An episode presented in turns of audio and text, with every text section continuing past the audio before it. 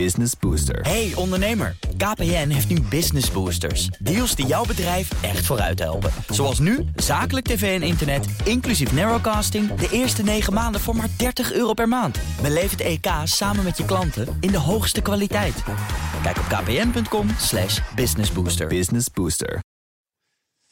Elke dinsdag praat ik over mislukkingen en wat we daarvan kunnen leren. En dat doe ik samen met Paul Iske, de CFO, de Chief Failure Officer van het Instituut voor Briljante Mislukkingen. Paul, welkom. Goedemiddag. Dag Thomas, goedemiddag. Onderweg zo te horen? Ja, ja ik word gereden. Ik heb mijn arm uh, in de reparatie, dus ik kan Oh. zelf niet autorijden. Nou, het, uh, het stelt je ongetwijfeld ook in staat om iets te vertellen over de mislukking van deze week. En die gaat over het Forum voor Democratie.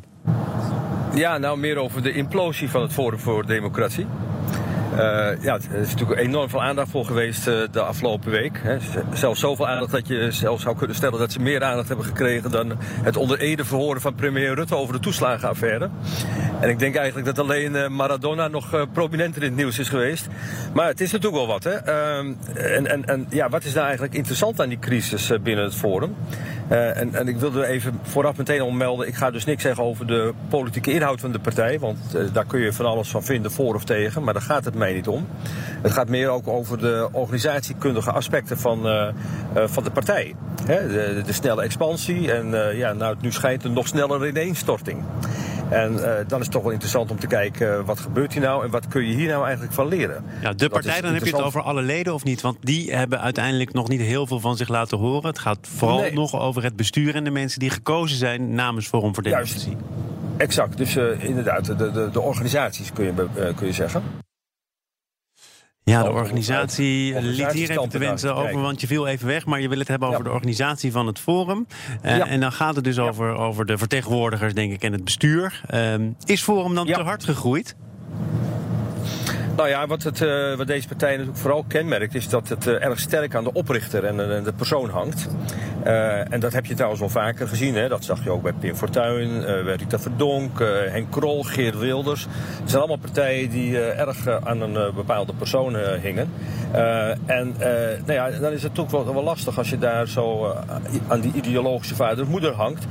waarbij inderdaad kenmerkt, dat zie je ook in het verleden, is dat ze vaak heel snel groeien. En dat je daarmee een stukje instabiliteit creëert. Want uh, ja, zo'n zo'n organisatie optuigen, dat weet iedereen die een organisatie runt, dat doe je met beleid. Dan moet je de juiste mensen op de juiste plekken zien te vinden, dan moeten de juiste processen ingeregeld worden.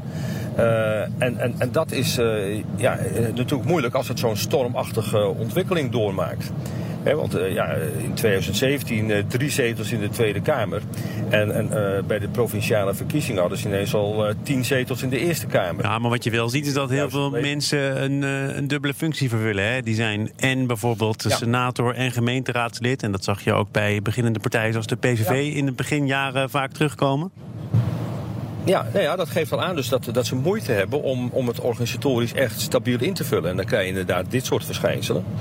En, en, en wat je daarna dan vervolgens krijgt, dat is natuurlijk heel kenmerkend voor deze casus, is het, het komen en het gaan van de kopstukken.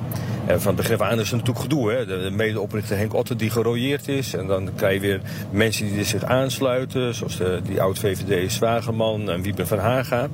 En, nou ja, en, en ja, het is allemaal niet, uh, niet stabiel. En, en ik weet gewoon, als je naar organisaties kijkt die al lange tijd bestaan, die hebben er echt hun best gedaan om er ook een stabiele organisatie van te maken. En, en ja, als er dan gedoe is, zoals nu dus uh, rond die appjes met, met allemaal rare inhoud, ja, dan, en, en er komt gedoe van, ja, dan zie je ineens de zwakte van zo'n organisatie, die kan dat helemaal niet opvangen. Uh, maar wij dus, praten dus, natuurlijk ja, uh, hierover omdat, omdat, jij denkt, of in ieder geval nu uh, tegen het licht kunt houden, of wij hier iets van kunnen leren. Kunnen wij iets leren van deze politieke soap? Ja, ik denk dus dat, uh, dat je in ieder geval moet uh, kijken, dus ook kun, kunt leren van, van organisaties die stabiel zijn. Namelijk dat die dus inderdaad de tijd nemen om te groeien, om die missie en visie en strategie te laten landen en, en die ook operationeel te maken in de organisatie.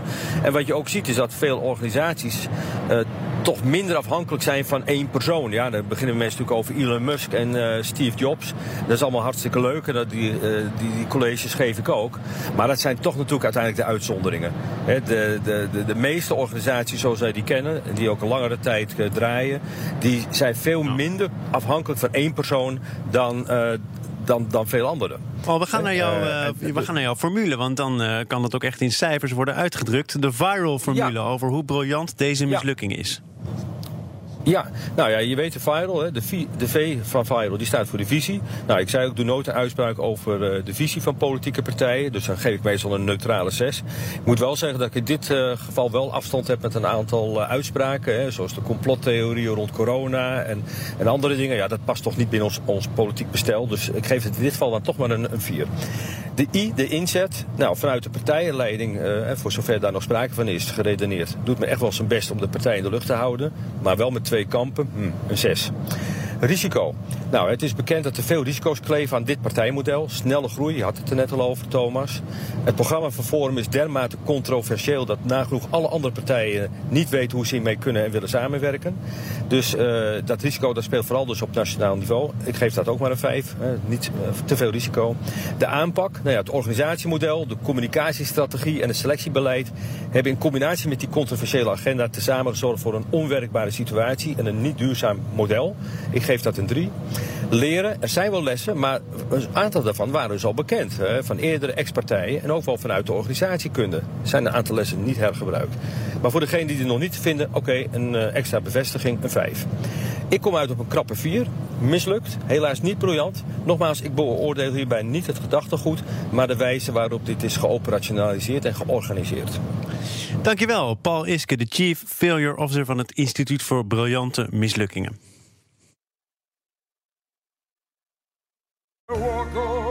Hardlopen, dat is goed voor je. En Nationale Nederlanden helpt je daar graag bij. Bijvoorbeeld met onze digitale NN Running Coach... die antwoord geeft op al je hardloopvragen. Dus, kom ook in beweging. Onze support heb je. Kijk op nn.nl slash hardlopen.